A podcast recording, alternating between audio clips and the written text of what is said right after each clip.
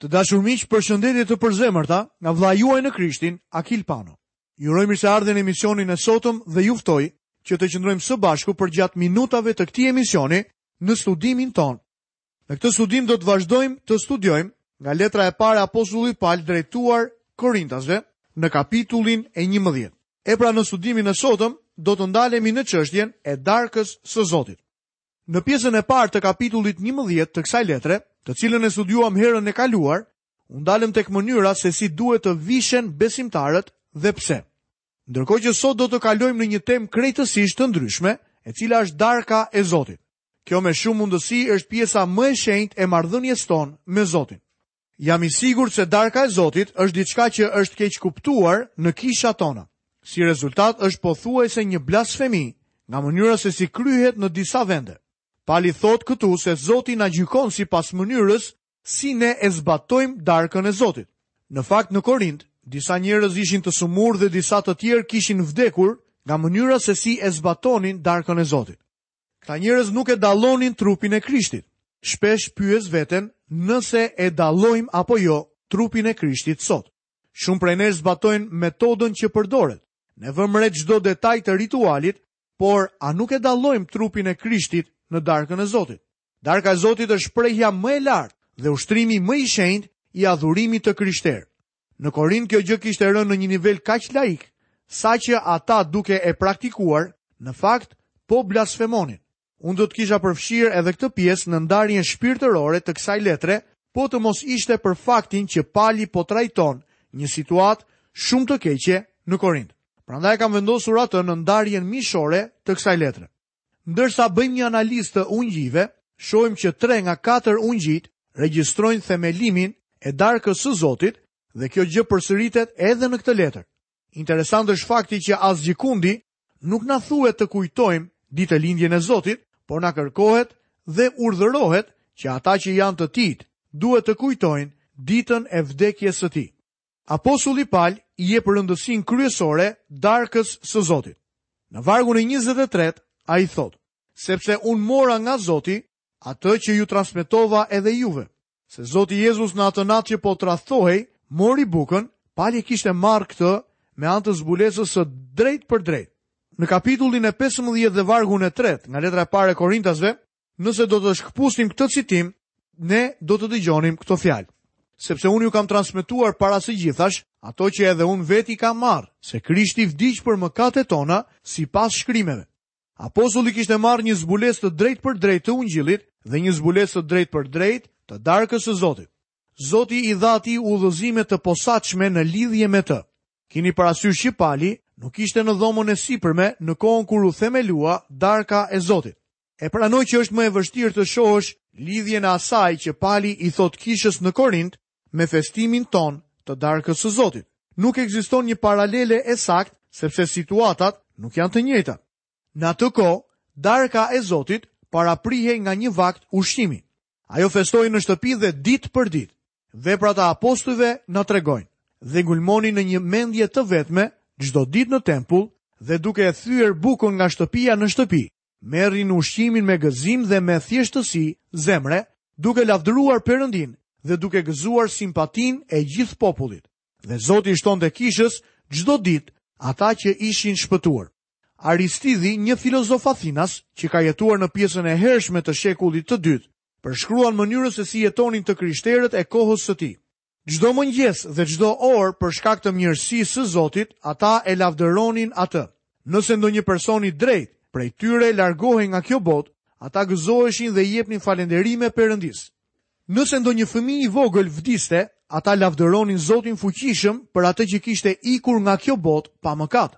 Ky është deklarimi i një personi që nuk ishte besimtar apo anëtar i një kishe, por që kishte vëzhguar me kujdes nga jashtë në shekullin e dytë të krishterët. Kisha në Korint ndiqte procedurën e ngrënies së një vakti ushqim me darkën e Zotit. Veç kësaj, Pashka festohej në të njëjtën mënyrë si u festua në dhomën e sipërme. Pasi Zoti ynë kishte festuar darkën e Pashkës, ai mori bukën dhe e theu atë. Në prushin që shuhej të një feste që venitej, ai bëri diçka të re. Nga hiri i asaj feste të vdekur, ai ngriti një monument të ri, jo prej mermeri apo bronzi, por prej elementëve të thjeshtë të ushqimit. Sot ne midis kishave, klubeve apo vëllazërive e kemi zakon të mblidhemi në shoqërinë e njëri-tjetrit dhe të kemi një kohë miqësie dhe një kohë ushqimi së bashku. Shumë njerëz i kritikojnë banketet nëpër kisha edhe mua më duhet të bëj të njëjtën gjë kur shoh se ato përqendrohen vetëm tek njeriu fizik. Në kishën e hershme ata bënin dreka të tilla për miqësi dhe ato quheshin festa agape. Kjo ishte një pjesë e miqësisë së kishës, koinonias. Në atë kohë, pas mbledhjes së bashku për miqësi, bëhej darka e Zotit. Ato u bëheshin veç e veç, por festa Agape vinte gjithmonë përpara darkës së Zotit. Më vonë këto festa u ndanë dhe në ditët e sotme ato nuk praktikohen bashkë. Ne nuk bëjmë një festë Agape ose drekë që të paraprijë darkën e Zotit. Për shkak të ndarjes, ne nuk e përsërisim situatën e keqe që ndodhi në kishën e Korintit. Gjithsesi, këtu gjenden disa mësime për ne. Lexoj më poshtë në vargun e 17. Por duke porositur këtë, unë nuk ju lavdëroj se ju mblidheni jo për të mirën, por për më të keqen. Fjala porositur është në fakt një urdhërim, sepse në versionin e autorizuar, ajo është shkruar me shkronja të pjerrta, që do të thotë se kjo fjalë nuk është në tekstin origjinal. Ajo në fakt duhet të ishte, në këtë ju urdhëroj, nuk ju lavdëroj, se mblidheni jo për të mirën, por për më të keqen. Me fjalë të tjera, ata duhet të mblidheshin së bashku për bekime të mëdha shpirtërore, por kjo nuk ndodhte. Lexoj më poshtë në vargun e 18. Para së gjithash sepse dëgjoj se kur bashkoheni në asamble, ka midis jush përçarje dhe pjesërisht e besoj. Apostulli nuk po flet për një ndërtesë, por për kohën kur besimtarët mblidhen së bashku. Kjo është kisha e vërtetë. Sa herë që flas për kishën, Më vijnë në mend ndërtesat e ndryshme të tyre, por në fakt kisha nuk ka të bëjë fare me ndërtesën. Kisha janë njerëzit. Është e vështirë për ne ta mendojmë në këtë kontekst. Kur besimtarët korintas mblidheshin së bashku, shpirti përçarës apo ndarës që pamë në kapitullin e parë, vinte në darkën e Zotit, kjo ishte ndarje. Lexojmë vargun e 19. Sepse duhet të ketë midis jush edhe grupime që të njihen në mes tuaj ata që janë të sprovuar. A keni vënë re kur një grua gatuan? Ajo grumbullon shumë gjëra dhe pastaj fillon t'i qërojë disa prej tyre. Zoti bën të njëjtën gjë. Me thënë të drejtën, unë mendoj se kishat sot janë të mbushura me jobesimtarë. Një përqindje e madhe e njerëzve në kisha nuk janë madje as të shpëtuar. Ata vetëm janë anëtarë kishe. Zoti i qëron ata. Si e bën ai këtë? Ata përfundojnë në disa kulte. Kjo është ajo që Pali po thotë këtu. Duhet të ketë midis jush shumë grupime që të njihen në mes tuaj ata që janë të sprovuar. Shumë njerëz dalin nga kisha dhe futen në grupime të tilla. Zoti i largon ata në mënyrë që të njihen ata që janë të sinqertë. Lexojmë vargun e 20. Kur mblidheni bashkë pra në një vend, kjo që bëni nuk është për të ngrënë darkën e Zotit. Fjala kjo në versionin e autorizuar është me shkronja të pjerrëta, gjë që do të thotë se nuk është në origjinal. Ai thotë, kur mblidheni bashkë në një vend, ju nuk mund të hani darkën e Zotit. Ishte e pamundur për ta që të festonin darkën e Zotit, sepse kjo varej nga sjellja e tyre në festën paraardhëse. Në situata të tilla, ata nuk mund ta festonin darkën e Zotit. Lexojmë vargun e 21. Sepse në të ngrënët gjithsecili merr darkën e vet më përpara, dhe njëri ka uri dhe tjetri është i dehur. Çfarë komenti që na jep Apostulli! Dikush mund të ishte i varfër dhe të mos kishte mundësi të sillte asnjë gjë me vete për darkë. Ai ishte i varfër dhe i uritur. Pranë tij mund të ishte ulur një djalosh i pasur që kishte një pulë të pjekur dhe një akullore. Ky djalosh nuk do t'i jepte aspak nga ushqimi i tij djaloshit tjetër që ishte i uritur. Miqësia në këtë rast thyhej. Nuk mund të kishte miqësi në një situatë të tillë. Pastaj ishte edhe diçka tjetër. Lexojmë vargun e 22. A nuk keni pra shtëpi për të ngrënë e për të pirë? Apo përbuzni kishën e Perëndisë dhe turpëroni ata që s'kanë asgjë? Çfarë t'ju them juve? T'ju lavdëroj? Për këtë nuk ju lavdëroj. Nëse nuk do të ndanin gjithçka në një miqësi të vërtetë, a nuk do të ishte më mirë sikur gjithsecili të hante në shtëpi? Ajo që po bënin po e ndante dhe coptonte kishën. Disa njerëz madje deheshin gjatë kësaj feste agape. Më vonë, ata nuk ishin në gjendje fare të kujtonin vdekjen e Krishtit. Gjithçka do të ishte e mjegullt për ta. Apostulli po thotë, a duhet t'ju lavdëroj për këtë? Unë nuk ju lavdëroj. Tani do të lexojmë zbulesën e Palit. Lexojmë në vargun e 23. Sepse unë mora nga Zoti atë që ju transmetova edhe juve, se Zoti Jezus në atë natë që po tradhtohej, mori bukën. Ndonjëherë njerëzit thonë se duan të festojnë darkën e Zotit, njëlloj siç bëri Zoti. Pastaj e marrin në orën njëmbëdhjetë të mëngjesit. Nëse do ta bësh darkën e Zotit ashtu si vetë Zoti, atëherë duhet ta bësh atë në darkë. Ata shkuan natën për të ngrënë darkën e Pashkës dhe në atë darkë Zoti Jezus themeloi institucionin e darkës së Zotit. Kjo ishte e njëjta natë kur ai u tradhtua. Atë darkë Zoti mori bukën. Lexojmë vargun e 24. Dhe si falënderoi, e theu dhe tha: Merrni, hani. Ky është trupi im që është thyer për ju, bëni këtë në përkujtimin tim. Pali nuk ishte prezent në dhomën e sipërme. Ai e mori këtë si një zbulesë direkte nga Zoti. Atë natë forcat e ferrit u bashkuan për të shkatërruar shpëtimtarin tonë. Mendoj se thjeshtësia Madhështia dhe gjendja normale e kësaj darke është e jashtëzakonshme. Vini re se aty thuhet, Ai falënderoi. Ai falënderoi atë natë ndërkohë që hija e kryqit qëndronte mbi atë dhomë duke kërkuar shtypjen e mishit. Ai falënderoi, falënderoi Perëndinë. Pastaj e theu bukën dhe për këtë gjithmonë kanë ekzistuar mendime të ndryshme midis besimtarëve. Ata pyesin, A e thyeni bukën apo e shërbeni ashtu siç është? Kisha katolike romake e thyen atë, luterianët jo dhe shumica e kishave protestante nuk e thyejnë. Në disa kisha ku kam shërbyer, e kemi bërë darkën e Zotit natën. Unë gjithashtu u përpoqa të bëja edhe diçka tjetër. I kërkova atij personi që shërbente bukën në kishë të merrte një copë dhe ta thyente atë përpara njerëzve. Kjo gjë i referohej trupit të thyer të Zotit tonë. Thyerja e bukës tregon gjithashtu se kjo është diçka e rëndësishme që duhet ndarë. Bengeli ka bërë këtë deklaratë. Vetë përmendja e thyerjes përfshin shpërndarjen dhe qorton planin e korintasve ku çdo njeri duhet të kishte ushqimin e vet. Lexojmë vargun njëzet e pesë. Gjithashtu pas darkës, mori edhe kupën duke thënë, Kjo kupë është besëlidhja e re në gjakun tim. Bëni këtë sa herë që të pini në përkujtimin tim. Buka i referohet trupit të tij të thyer. Kupa i referohet besëlidhjes së re. A e keni vënë re që quhet kupë? Në disa raste ajo quhet gjithashtu fruti i rrushit, por asnjëherë verë. O sa herë e kam dëgjuar diskutimin mbi këtë subjekt. A duhet ta fermentojmë apo jo verën për darkën e Zotit? Kjo është një bisedë bebesh, miku im. Ne e dimë që ajo verë ishte e pafermentuar. Në këtë kohë ishte Pashka, festa e bukëve të ndorme. Mos vallë mendoni se ata hanin bukë të ndorme dhe lëng rrushi të fermentuar? Vera është lëng rrushi i fermentuar. E gjithë çështja qëndronte tek gjërat e pafermentuara. Kjo ishte festa e Pashkës. Por fakti interesant është se Jezusi këtu e quan atë kupa. Trupi i tij ishte kupa që mbante gjakun. Ai kishte lindur për të vdekur dhe për të derdhur atë gjak. Herë pas here, apostulli na kujton se ne kemi faljen e mëkateve për shkak të gjakut. Jezusi na dhuroi mëshirë për shkak të gjakut. Ai nuk hapi derën e pasme të qiellit dhe të na fuste brenda në fshehtësi.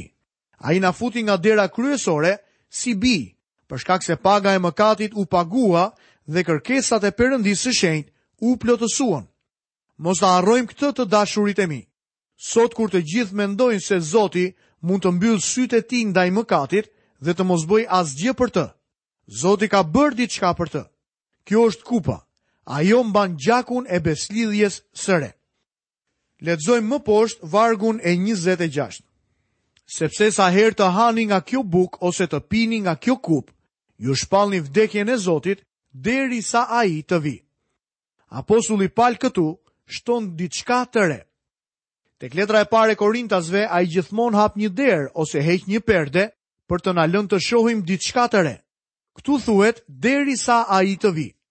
Kur ne marrim darkën e Zotit, ajo tryezë ka tre udhëzime të ndryshme. Së pari, është një përkujtim. Ai përsërit, bëjeni këtë në përkujtimin tim. Kjo tryezë të sjell ndër mend kohën përpara 2000 vjetëve dhe vdekjen e tij në kryq. Ai thotë, mos e harroni këtë. Është e rëndësishme, kjo është për të kaluarën. Kjo tryezë është një lidhje shpirtërore. Shpesh ne e quajmë atë edhe një shërbesë bashkësie. Ky fakt flet për të tashmen që sot ne të dashurit e mi kemi një Krisht të gjallë. Së treti është një përkushtim. Ky fakt flet për të ardhmen, që ai do të vijë sërish. Kjo tryezë nuk do të zgjasë përgjithmonë. Ajo është e përkohshme. Ne do ta vazhdojmë ta festojmë këtë festë derisa ai të vijë. Ky fakt na tregon që Zoti do të kthehet sërish. Kjo i referohet të ardhmes. Zoti Jezus mori këto elemente të brishtë, bukën dhe lëngun e rrushit, që mund të prishen në pak ditë. Gjërat më të dobëta në botë, bronzi, argjendi apo ari, por prej buke dhe lëng rrushi. Ky monument flet për Zotin Jezus dhe më kujton që jam përgjegjës për vdekjen e tij. Lexojmë vargjet 27 deri 29. Prandaj ai që ha nga kjo bukë ose pi nga kjo kupë e Zotit, padenjësisht do të jetë fajtor i trupit dhe i gjakut të Zotit. Por secili të shqyrtojë vetveten dhe kështu të hajë nga buka e të pijë nga kupa. sepse ai që ha dhe pi padenjësisht, ha dhe pi një dënim për veten e tij, sepse nuk e dallon trupin e Zotit. Çfarë do të thotë ai me shprehjen dallon trupin e Zotit? Po të ktheni kokën prapa në histori, do të zbuloni se kisha kishte një problem të madh në përcaktimin e këtij kuptimi. Çfarë do të thotë të dallosh trupin e Zotit? Përgjigja e Kishës Katolike Romake është se ndryshimi ndodh atëherë kur prifti mban meshën në altar. Buka bëhet trupi i Krishtit dhe lëngu gjaku i tij. Nëse kjo do të ishte e vërtetë, atëherë t'i haje ato do të ishte kanibalizëm. Lavdi Zotit që nuk ndryshon, ajo ngelet ende bukë dhe lëng. Por ata ende luftojnë me këtë problem. Si e dalloni trupin e Zotit në këtë? Në kishën luteriane Martin Luteri kishte qenë një prift katolik. Thuhej që në bukën me anë të saj dhe përmes saj mund të merrej trupi i Krishtit. Pastaj Zvingli dhe Suis, udhëheqës reformator, thanë që ky ishte thjesht një simbol. Shumica e protestantëve sot mendojnë që ky është thjesht një simbol. Unë nuk jam dakord me këtë shpjegim. Mendoj se është më shumë se një simbol. Më ndiqni në historinë që ndodhi në rrugën Emaus. Ajo gjendet e regjistruar tek Ungjilli i Lukës, kapitulli njëzet e katër. Aty do të shohim se çfarë do të thotë të dallosh trupin e Krishtit dhe vdekjen e tij. Dy nga dishepujt e Jezusit, dy besimtarë, po ktheheshin në shtëpi pasi kishin parë dëshminë e tmerrshme të kryqëzimit në Jeruzalem dhe ngjarjet që pasuan. Ata ishin në mjegull. Ndërkohë që po ecnin dhe po diskutonin këto gjëra, Zoti ynë i ringjallur u bashkua me ta dhe i pyeti se përse ishin të trishtuar. Duke menduar se ishte një i huaj, i treguan për dënimin e Jezusit me vdekje, për kryqëzimin dhe për raportin e grave që kishin shkuar tek varri. Dhe disa nga tanët shkuan tek varri dhe e gjetën ashtu si kishin treguar gratë, por ata nuk e panë. Atëherë ai u kthye dhe u tha atyre, O budallenj dhe zemërngathët për të besuar gjithçka që kanë thënë profetët! Por a nuk duhej që Krishti të vuajë gjëra të tilla që të hyjë kështu në lavdinë e tij? Dhe duke zënë fill nga Moisiu dhe nga gjithë profetët, ai u shpjegoi atyre në të gjitha shkrimet gjërat që i takonin atij.